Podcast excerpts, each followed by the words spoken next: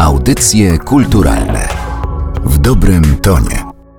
To są audycje kulturalne, podcast Narodowego Centrum Kultury przy mikrofonie Aleksandra Galant. Wesele w Atomicach, tango, wybitnych utworów napisanych przez Sławomira Mrożka można wymieniać niemalże bez końca. Wielu z nas zatknęło się z nimi jeszcze w szkole, dla innych był to przedmiot własnych i niezależnych poszukiwań literackich. Natomiast co wiemy o Sławomirze Mrożku? Na pewno kojarzymy te charakterystyczne okulary, okulary pana Mrożka, bez których Sławomira Mrożka by nie było. Do tego wniosku w pewnym momencie chyba także doszedł sam, bo zdaje się, że w jego biografii był moment, kiedy te okulary nie były już konieczne, natomiast z nich nie zrezygnował.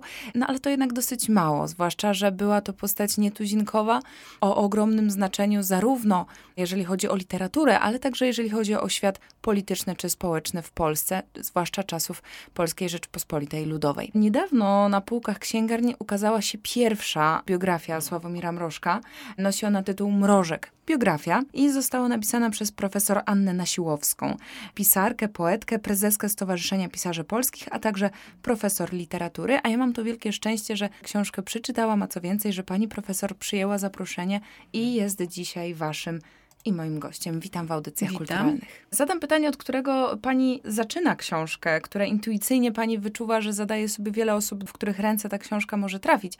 Mianowicie to jest pytanie, dlaczego mrożek? To jest bardzo ważny pisarz. Oczywiście biografię pisze się na zamówienie, przeważnie albo dlatego, że coś się zdarzyło. U mnie było to zamówienie y, ze strony wydawnictwa literackiego w Krakowie, które opiekuje się w dużym stopniu spuścizną Mrożka razem z wydawnictwem Noir sur Blanc. Oni wydają kolejne utwory, kolejne zbiory korespondencji Mrożka i uświadamiali sobie, że brakowało takiego opracowania, a wpisanie dobre twórczości pisarza w pewne tło historyczne może spowodować, że wzrośnie zainteresowanie także utworami, zmieni się trochę rozumienie jego utworów, dojdzie do tego rozumienie dramatyzmu tła, w którym no, to wszystko się odbywało. Czytając biografię, którą pani napisała, utwierdzałam się w przekonaniu, że teksty, które pisał Mrożek, jego utwory, one się nie starzeją, tylko nabierają nowego znaczenia, co wydaje mi się, że w przypadku wielu twórców, którzy tworzyli w czasie PRL-u, nie jest takie oczywiste, że są książki, teksty, które no, po prostu się zestarzały, już nie są aktualne, a tutaj absolutnie tak nie jest. Ale wracając jeszcze na moment do tego powodu, żeby zająć się biografią Mrożka, pani też przytacza jego własne słowa, który chyba odrobinę powątpiewał w kwestii kwestię stworzenia jego biografii i stwierdził, że no, życie pisarza jest dość jednostajne. Siedzi w samotności i pisze. Tak, powstało ileś filmów na temat biografii różnych pisarzy i jedne są lepsze, drugie są gorsze, ale prawdopodobnie te najbliższe prawdy są dość nudne, dlatego że co robi pisarz? No, gdyby o mnie zrobić film, też byłby bardzo nudny.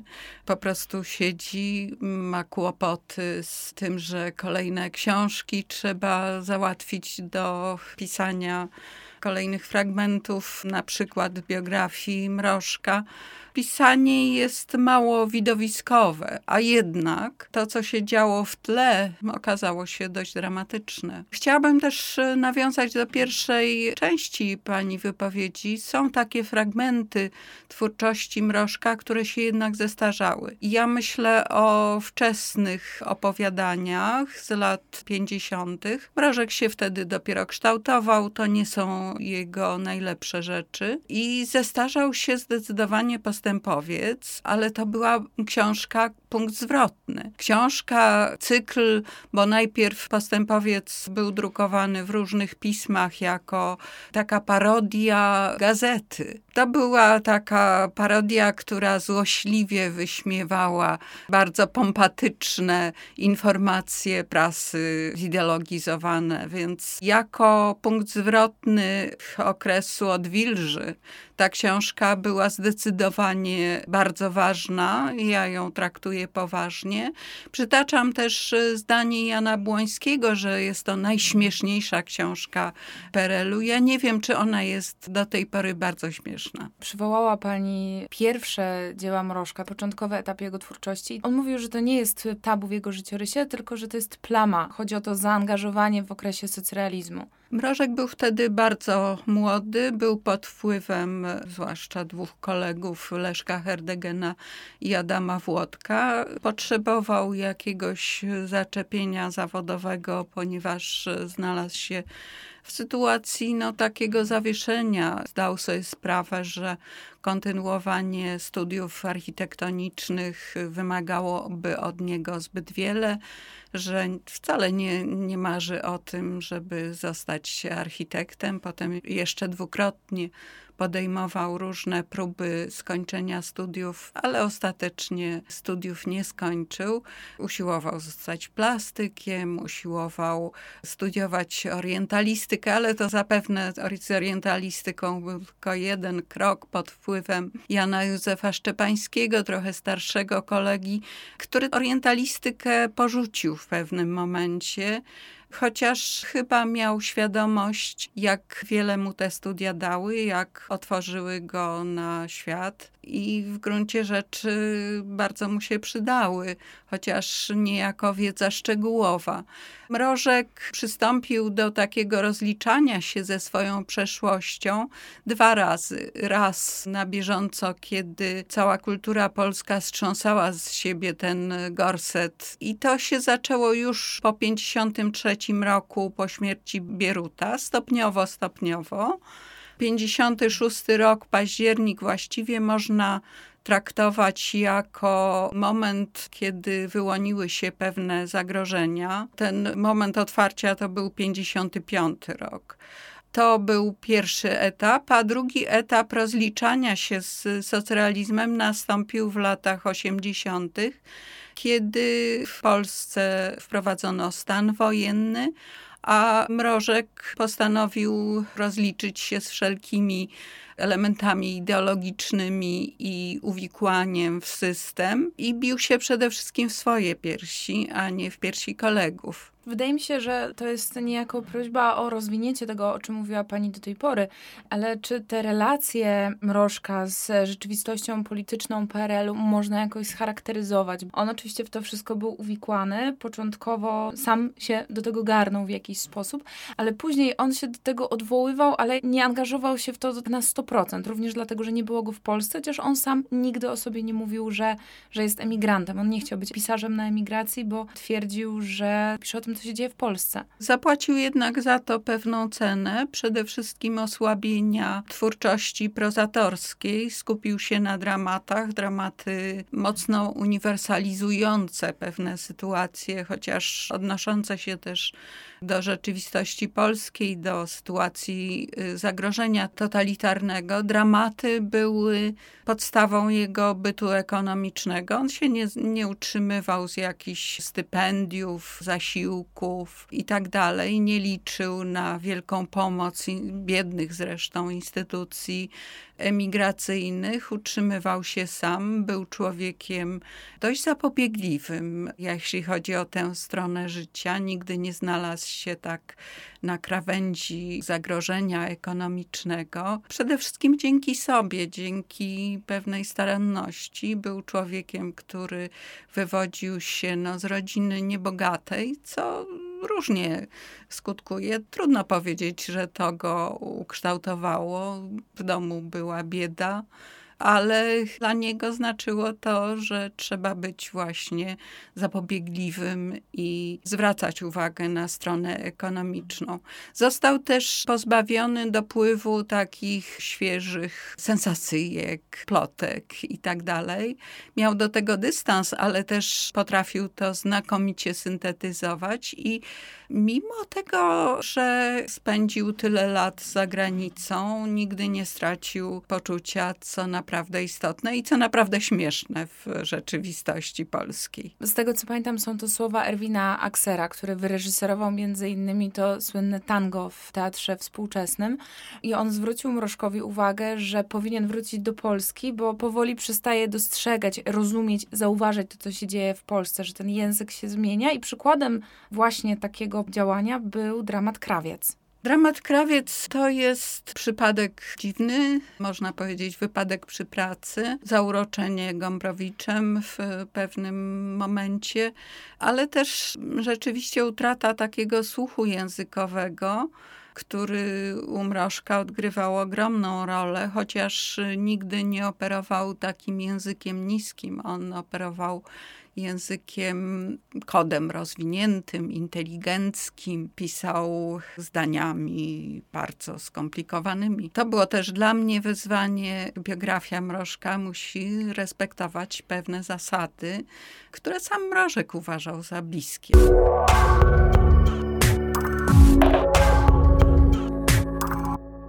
Miałam wrażenie, czytając, że oprócz przytaczania faktów i rzeczywistych wydarzeń, nawet fragmentów ze słynnych dzienników Mrożka, pani pozwala sobie czasami na takie własne refleksje i uwagi, które według mnie są bardzo cenne w biografiach. Pierwsze, co mi przychodzi do głowy, to chociażby próba y, ugotowania obiadu przez Gombrowicza i Mrożka.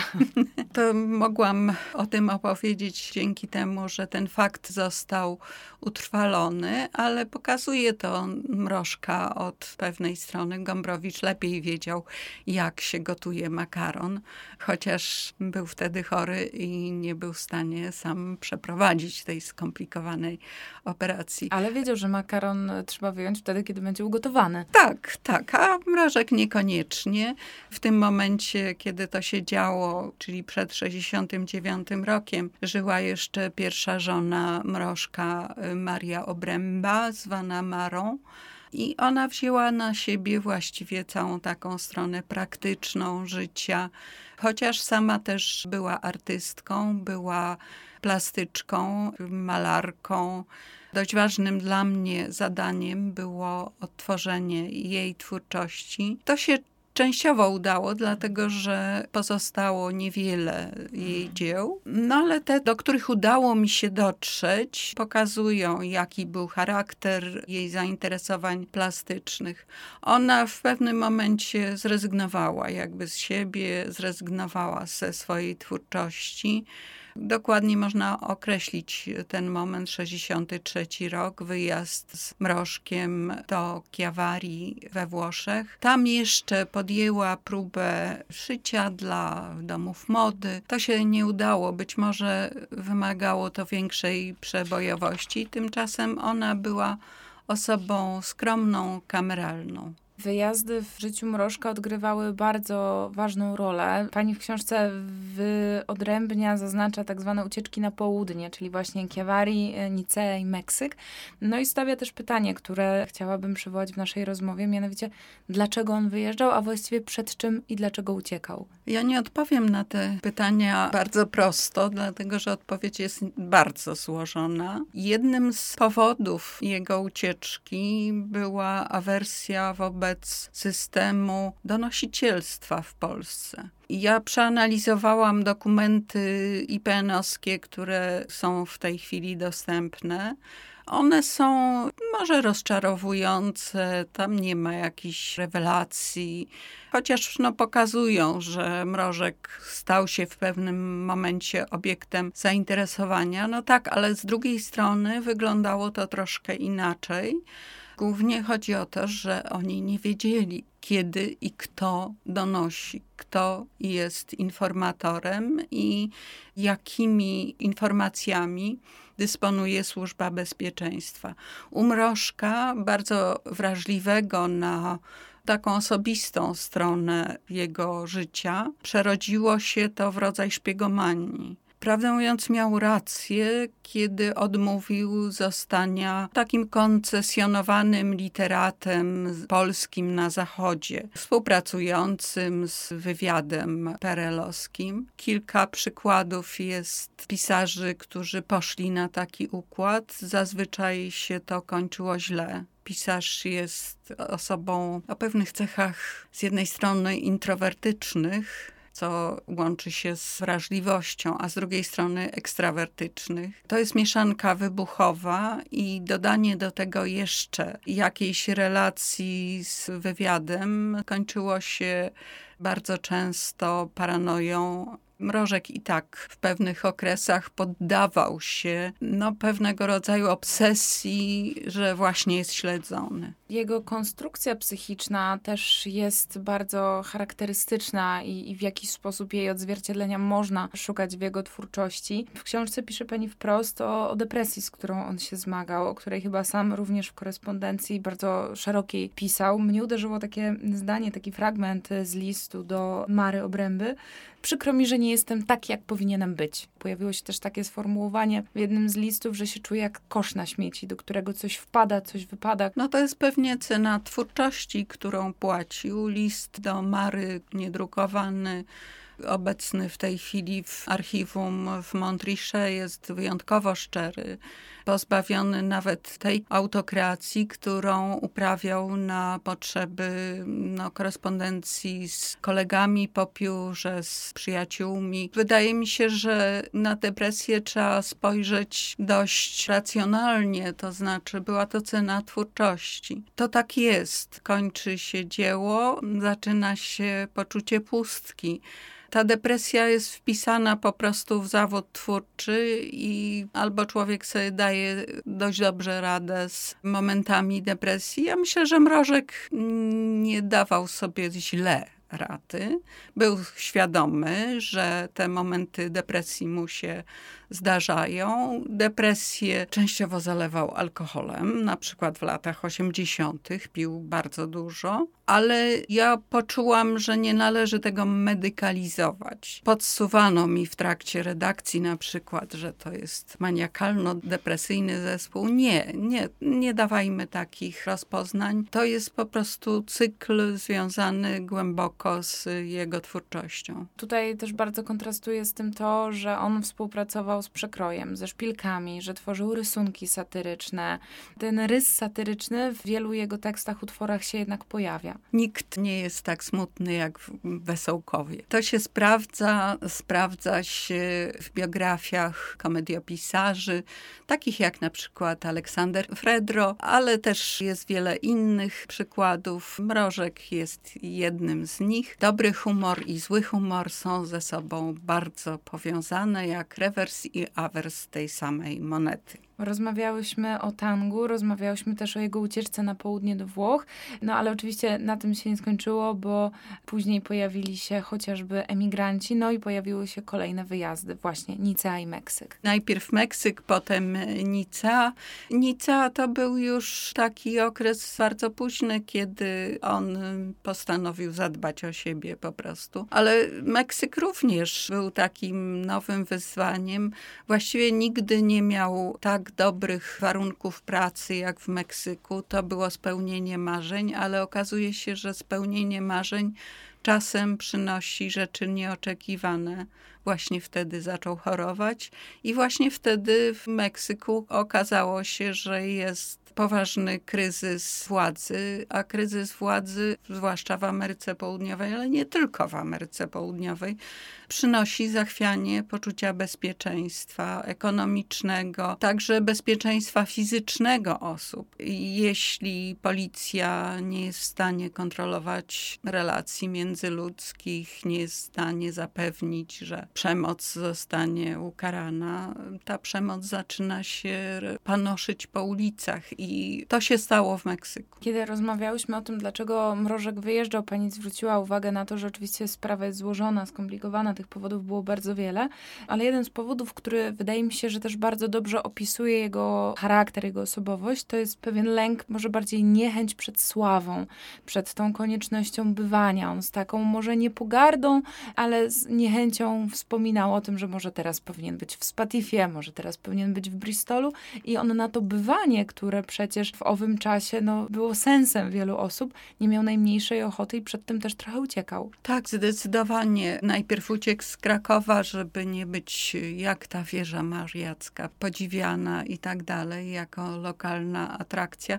Myślę, że uciekł też z Polski przed wszechobecnym zacną chałturą, która dawała spore pieniądze, ale nie miał ochoty zostać naczelnym pisarzem satyrycznym, chociażby nawet dobrze opłacanym. Mrożek był osobowością z epoki przedmedialnej. Nie uwodził dziennikarzy wspaniałymi, błyskotliwymi odpowiedziami na pytania. Potrafił milczeć, potrafił mówić: A, to będzie w książce, proszę sobie przeczytać. I właściwie nie zmienił się do momentu bardzo późnego.